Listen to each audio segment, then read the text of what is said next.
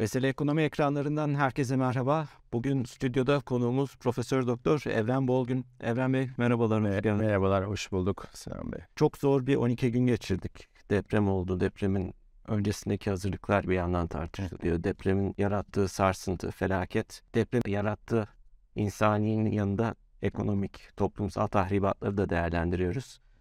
Ee, isterseniz ilk olarak bugün depremin yarattığı ekonomik maliyeti tartışalım birazcık. Son günlerde gerek iş dünyası gerekse uluslararası kuruluşlar raporlarını açıklamaya başladılar ve depremin ekonomik açısından nasıl bir maliyet yaratabileceği, özellikle bütçe açısından nasıl bir yük, yük yaratabileceğini ortaya koymaya çalışıyorlar. Aha. Siz nasıl görüyorsunuz? Yani şimdi şöyle bir şey. Öncelikle hakikaten hani tüm e, Türk milletinin başı sağ olsun. Yani, e, e, yani 10-12 gündür işte e, hepimizin aslında hayat e, gayesi ve şevki tamamen kırılmış vaziyette. E, şöyle bir şey, e, neticede rakamlar tabii biraz havada uçuşuyor açıkçası. Yani son e, 3-4 gündür gelen dediğiniz gibi raporlar var. Yerli raporlar da var. İşte Türk Konfet falan yayınladı biliyorsunuz. E, şimdi yabancı kurumlardan da gelmeye başladı. İşte JP Morgan'ı gördüm en son. E, daha da gelecektir tabii önümüzdeki günlerde ama şöyle bir şey var. Yani bir kere e, sayıların yani hasar tespitinin tam olarak bitmiş bir durum olduğunu düşünmüyorum. Yani daha çok sıcak hadise ve rakamlar havada uçuşuyor derken aslında e, kontrol edilen e, bina sayısı işte bunların ağır hasarlısı vesaire hani e, hafif hasarlısı ya da orta hasarlısı yani yüz binlerce rakamdan bahsediliyor bina adedi olarak. Bu kadar kısa sürede bunların yani yapılabilmesi için e, saniyede e, 10-15-20 saniyede bir bina kontrolü yapılması lazım. Yani bir dakikanın altında bir süreye denk geliyor böldüğünüzde. Yani çok mantıklı gözükmüyor. Yani e, tam randımanlı bir şekilde yapıldığını düşünmüyorum. E, biraz zamanla yarışıyoruz gibi gözüküyor bir taraftan. Hani iktidarın şu anda yapmaya çalıştıkları e, açıkçası. E, yani bizim işimiz ekonomi sonuçta tabii ki. E, yani burada e, o sayıyı tam görmek lazım. Yani kaç yüz bin işte 250 midir 300 bin midir yani ne kadar yeni konut e, yani o bir yılda bence çok iddialı bir hedef bu arada. E, hakikaten acele işe şeytan karıştırmamak lazım. Çünkü bir daha aynı acıları yani tamam 500 yılda bir böyle bir afet yaşandı ama yani 100 yıl sonra veya 150 yıl sonra daha azı da yine bölgede yaşanabilir. E, kimse bilemez.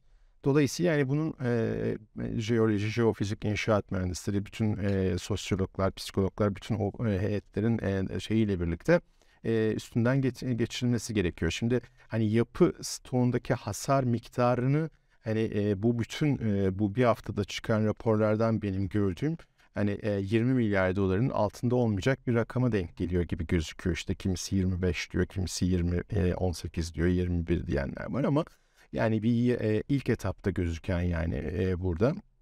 Ama bütün hani kent e, şeylerinin işte 10 e, ilin en büyük afetle karşı karşıya kalan 3 e, il başta olmak üzere burada mesela Adıyaman'ı tamamen e, başka bir yere taşımaktan bahsediliyor. Daha e, daha e, şeyi vererek sırtını vererek yeni kent yerleşimi yaratılması falan.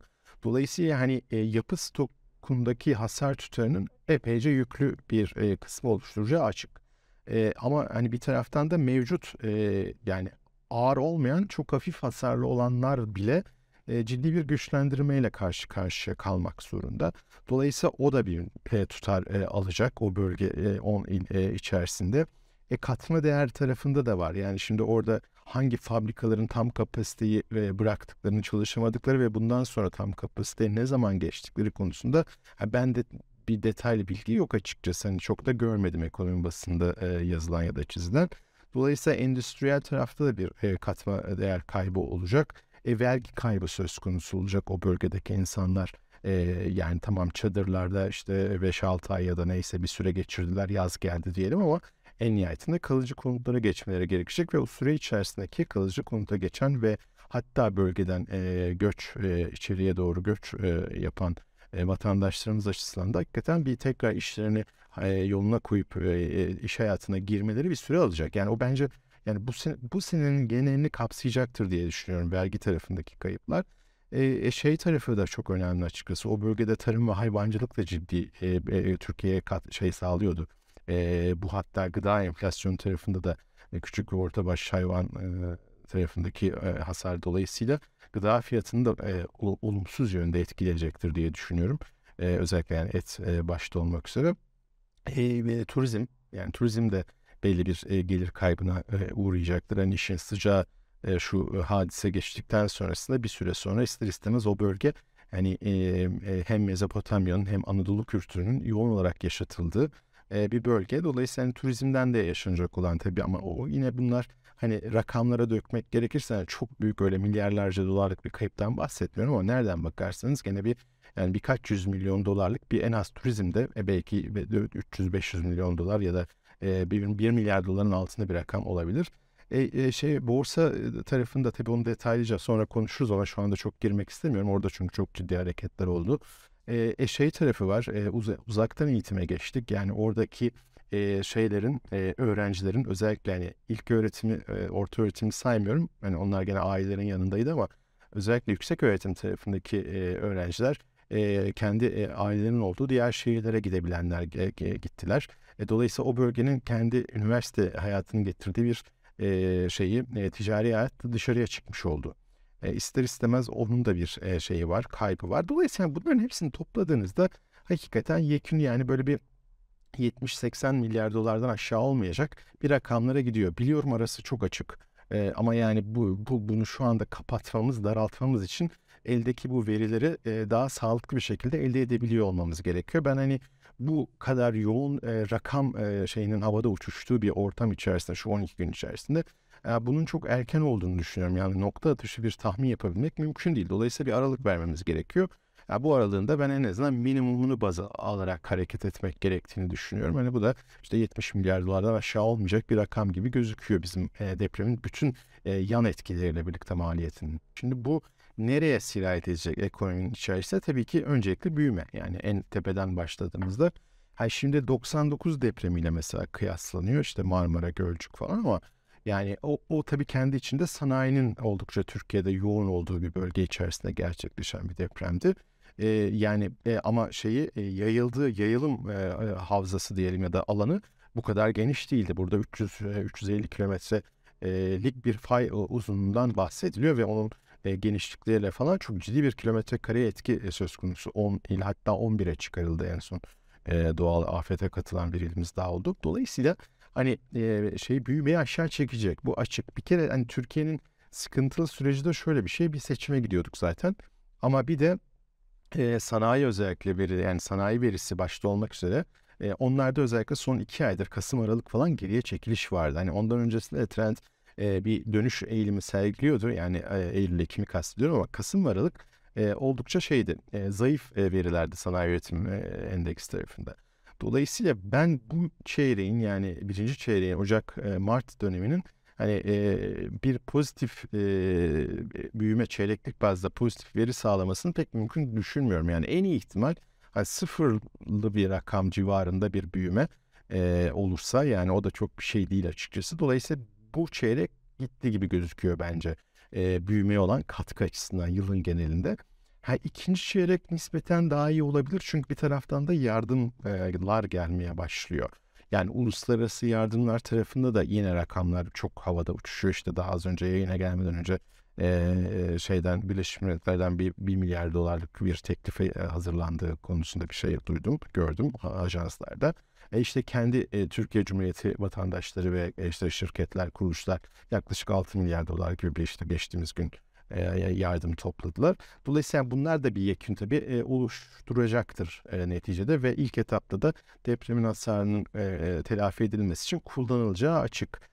E, ikinci çeyrek o yüzden nispeten bir miktar daha iyi olabilir diyorum ama bu iyi bir miktar da beni hani şöyle bir yüzde ikilik, üçlük, çeyreklik bazda bir artışlara doğru götürecek bir büyüme olduğunu düşündürtmüyor. Yani şöyle bir Ocak, Haziran gibi ilk yarıya baktığınızda resim sanki hani sıfırla işte bir buçuklar mertebesini çok aşmayan, ikinin altında ama sıfırın altına da inmesine kamu e, özellikle yapacağı şeylerle e, harcama artışıyla birlikte e, izin vermeyeceğini çünkü seçim öncesinde buna da imkanı olmadığını düşündüğüm için hani zayıf bir görüntüde Ama mesela 2000 şey 1999 depremi öyle olmamıştı. Çeyreklik bazda çok ciddi bir geriye çekiliş söz konusuydu. 99 depreminde. Tabii o zaman 99 depremi öncesinde de yaşanan 98 krizi, Asya Rusya krizi falan vardı. Onun kendine ait has bir diyor konjonktürü vardı. Şu anda öyle bir konjonktüre değiliz. Yani Türkiye hem 99'dan ekonomik toplam büyüklük açısından yani gayri safi yurt içi büyüklüğü açısından çok daha farklı bir yerde şu anda 24 yıl sonra e, ekonomik e, görüntü açısından da hani o kadar değeri bir sıfırın altında negatif bir şey, görüntü sergileyecek bir durumda değil açıkçası ama büyüme geriye çekilecek. İşte bu çekiliş hani e, benim tahminim hani hükümetin de beklentisi açıkçası bunun yüzde birin üstüne çıkartmamak şeklinde. Yani böyle eksi ikiler yüzde ikiler gibi bir geri çekilmeyi e, to- tolere edebileceğini zannetmiyorum seçim öncesinde. O yüzden kamu harcamalarını arttırmaya devam edecektir diye e, düşünüyorum. Hani ilk etapta. E bu, bu neye yol açacak? Tabii ki hani kamu bütçe tarafı zaten e, son geçen senenin özellikle ikinci yarısından itibaren de çok sevimli bir durumda değildi. 20 milyar dolar kadar zaten Rusya'ya olan BOTAŞ'ın ödemesi ertelenmişti. Yani oradan nereden baksanız 400 milyar liraya yakın bir yekün ödenmesi gereken rakam şeyde duruyor. bütçe üstünde bu seneye sarkmış bir yük var.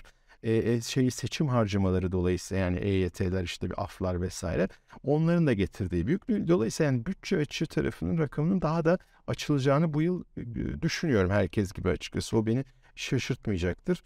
E, yani bu geçen seneki işte yüzde üçlü rakamlardan yüzde beşli eksi rakamlara gayri safi yurt içi hasıla açısından baktığımızda getirebilir. E, e, cari açık tarafını e, zaten işte en son geçen seneki e, nihayete erdi gördük işte 48 e, milyar dolar civarı e, bir şey oldu açık. E, yani cari açık en hassas e, tarafımız çünkü zaten e, şeyi işte aşağı yukarı yani 5-6 aydır e, dövizi baskılıyoruz. E, dolar tabii ki başta olmak üzere. E, dolayısıyla bu kamu açığı artacaksa bizi e, nereye getirecek?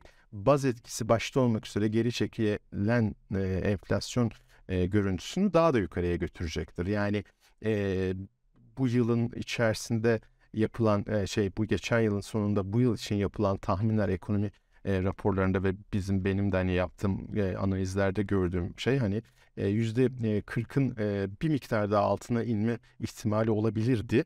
Ama bence o devre dışına çıktı artık bundan sonrasında. Hani e, %50'nin pek altına inmeyecek sanki bir enflasyonla karşı karşıya olacağız gibi gözüküyor yılın ikinci yarısından itibaren özellikle. Çünkü gaza basma zaten seçimde eğer e, söylendiği gibi tabii ki Mayıs ya da zaten normal tarihi Haziran biliyorsunuz.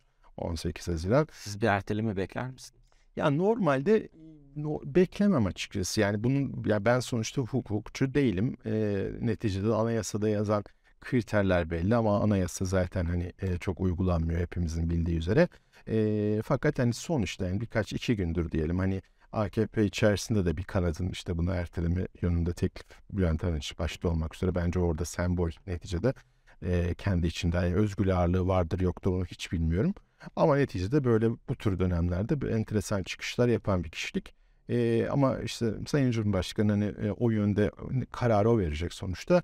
E, yani o, o yönde bunu ver, verme kararının benim en azından Sayın Cumhurbaşkanı'nın bu kadar yıl sonrasında izlenimden yani izlediğim e, siyasi manevralarından anladığım e, şu afet neticesinde yapılacak olanlar ivedilikle yani yapılacak olan yani kamu destekleri işte e, harcama artışları, e, şey gelen bağışlar onların e, aktarılması falan.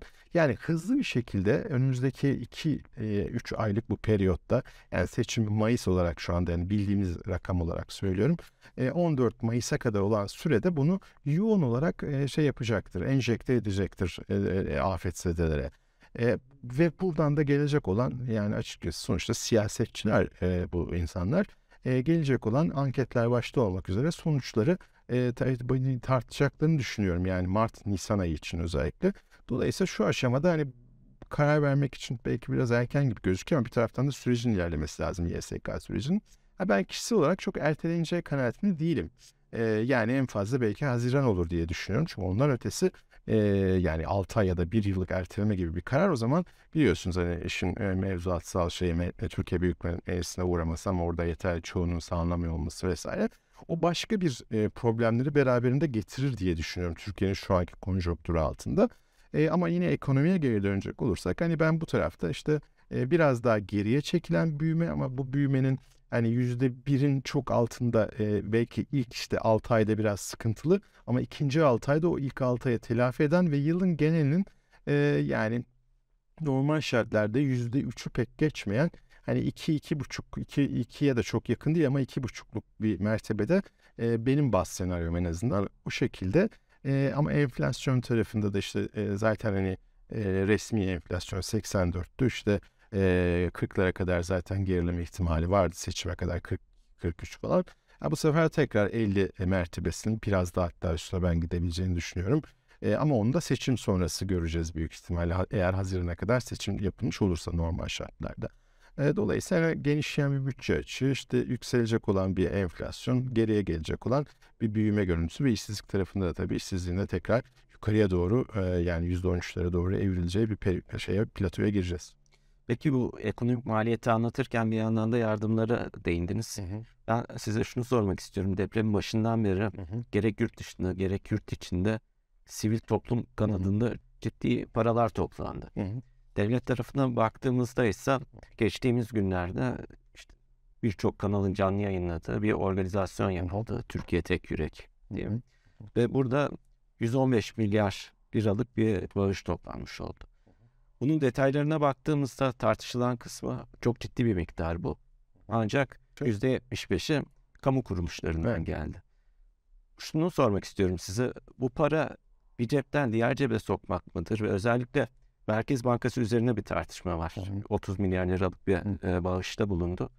Nasıl değerlendiriyorsun? Yani şimdi şöyle bir şey. Evet yani e, en, en baş en son söyleyeceğim baştan söyleyeyim de yani tespitin çok doğru. Yani evet bir cepten öbür cebe neticede yani 115'in işte e, %75'i kamu kurumları tarafından yapıldığına göre de aynen dediğin gibi zaten kamu dediğinde aslında biziz. Yani bu taraftan hani dev de yani insan şimdi tabii ki hani e, herkes belki öyle düşünmüyor ama yani sonuçta vergi gelirleri başta olmak üzere e, herkes bütün vatan 85 diyelim milyon vatandaşın topladığı e, şeyi e, ve ödediği vergiler neticesinde işte bütçe e, yapılıyor ve o harcamalara tabii ki e, iktidar karar veriyor neticede. Harcamaların e, bütçe kanunu çerçevesinde işte e, her sene yıl sonunda yapılan e, Ekim'de başlayıp e, yıl sonu öncesinde bağlanan e, bütçe e, şeyinde görüşmelerin neticesindeki tablo neyse tahsisatlar e, ona göre e, karar veriliyor ve plan ilerletilmeye çalışıyor. İşte tutmuyor. Geçen sene tutmadı. Ek bütçe çıkıyor vesaire ama yani neticede burada tabii şöyle bir sıkıntı var bence.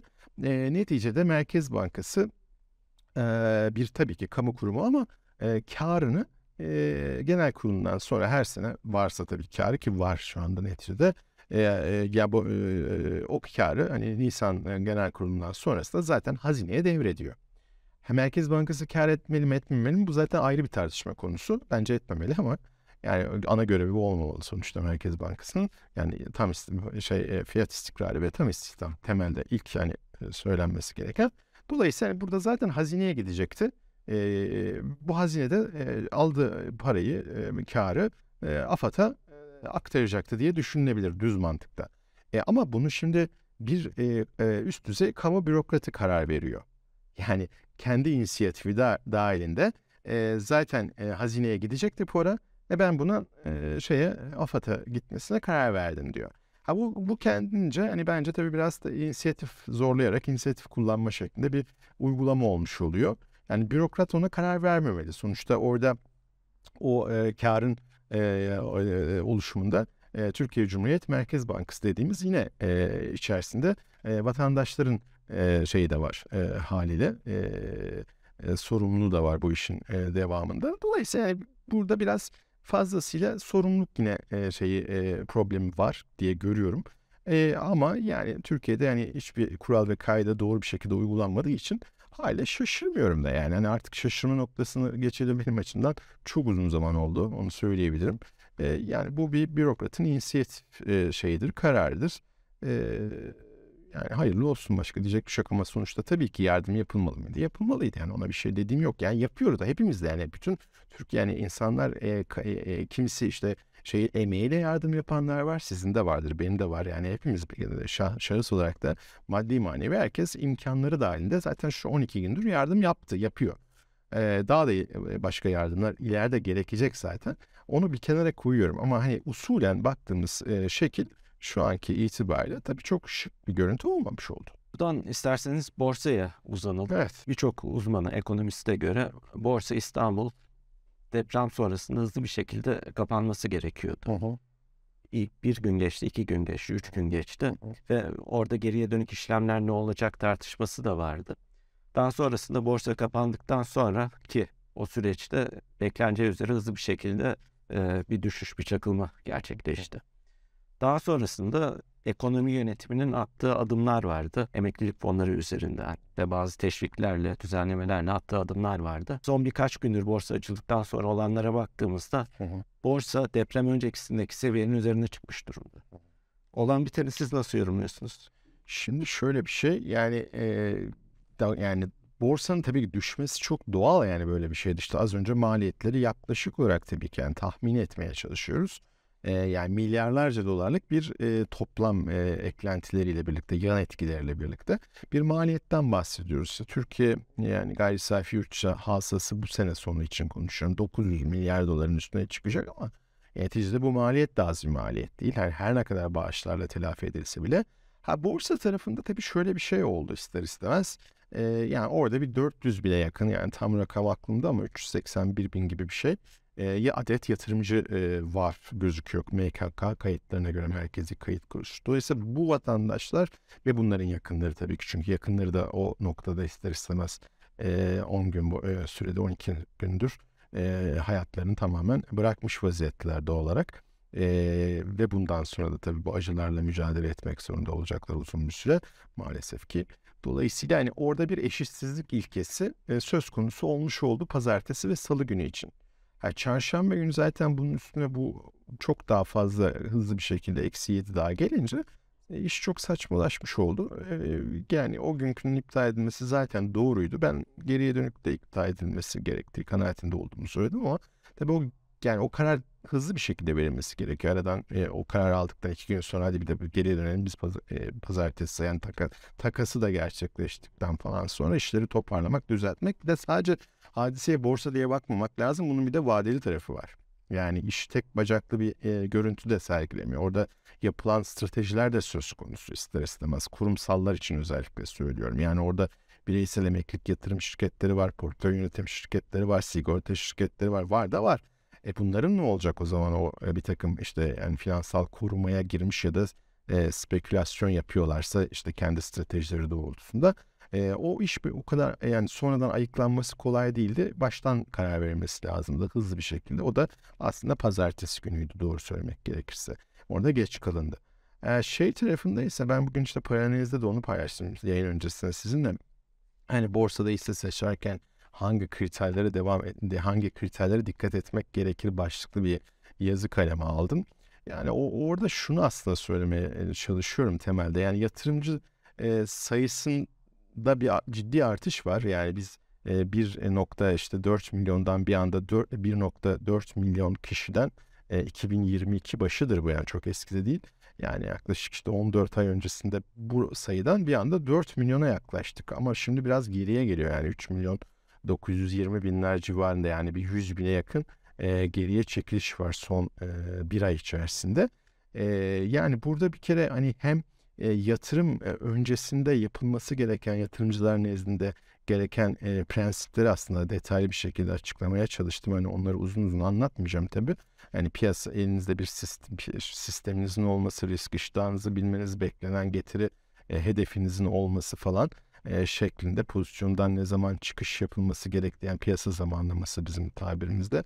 Yani alım satım stratejileriyle başlayan bir süreç aslında yazmaya çalıştıkları ve daha, diğeri de, diğerleri de aslında e, yatırımcıların bu yine e, dünyadaki genel kabul görmüş e, prensiplerden yola çıkarak hani e, yapılan özetlemelerdir. E, ama şöyle bir şey var hani bu e, yatırımcı sayısına ilave e, insanların zaten kıt kanalda elde ettikleri tasarrufları borsada heba etmemelerini istediğim için aslında bu e, yazıyı bu hafta kaleme aldım. Yoksa gündemin böyle borsayla uğraşılacak bir hafta olmadığını ben de farkındayım fazlasıyla. Zaten geçen hafta da yazmadım. Ekonomi ve finansla ilgili bir konu bambaşka bir konu yazdım. E, yatırımcı sayısı evet artıyor ama bu yatırımcı sayısında ciddi bir anomali var yoğunlaşma tarafında. Yani e, 120 bin civarı adet yatırımcı borsanın neredeyse yüzde 40 küsürünü kontrol ediyor. Portföy büyüklüğü açısından baktığımızda. Yani burada e, küçük yatırımcıların e, toplamı yani o da küçük dediğim 20 bin liraya kadar olan e, bir para ki bugünkü takdir edersiniz hani e, şeyde ortamda bir yatırım için çok büyük miktar değil bu 20 bin TL. E, 20 bin TL'ye kadar olan yatırımcı portföy sayısı adet anlamında 3 milyon üstünde. Yani biz 3 milyon 920 bin adet yatırımcı var diyoruz ama bunun 3.4 ve 3.5 milyona yakını zaten çok çok küçük yatırımcı. Minnacık diyebileceğimiz. Dolayısıyla yatırımcıların burada zaten bu kadar hani zor e, elde ettikleri tasarrufları heba etmemeleri için şu anda oynaklık yüksek. Yani e, bu, bu rakamları hani bu iki gündür bakmadım ama geçen hafta en azından baktım. Ciddi bir, e, bir volatilite dediğimiz hikaye. Ciddi bir oynaklık yükselişi var. Hisse bazında daha da zaten e, artı eksi %10-15 oynamalar yaşanıyor iki gün içerisinde ya da aynı gün içerisinde e, yukarı aşağıya. Dolayısıyla hani burada e, panik yapma durumunda olunduğunda yani klasik yatırımcı psikolojisi çalışıyor. Yani iyimserlikle, coşkuyla başlayıp sonra kaygı, depresif, umutsuzluk haliyle e, şey yapan ve sonra da e, kötümserlikle kapanan süreçler hepimizin yine e, gayet iyi bildiği. Dolayısıyla ben e, bugünkü yazıda da işte hani bu kriterlere biraz bakmaya baş, e, gayret ettim. Bir de hani performans sağlayan şirketler e, sağlam büyüme, değer e, yaratan e, şirketler te, düzenli temettü, temettü ödeyen ama uzun vadede yani son 10 yılda kaç tane şirket yani o 500 civarı işte 520 gibi şirket var.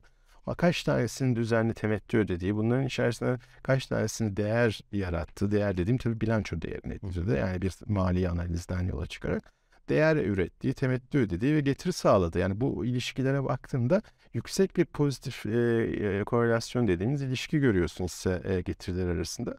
Dolayısıyla biraz da onları incelemelerinde fayda var. Biraz da tabii eğer hani bu e, oynaklığa e, tahammül edemeyecek düzeyde derse piyasada olmamaları gerekiyor.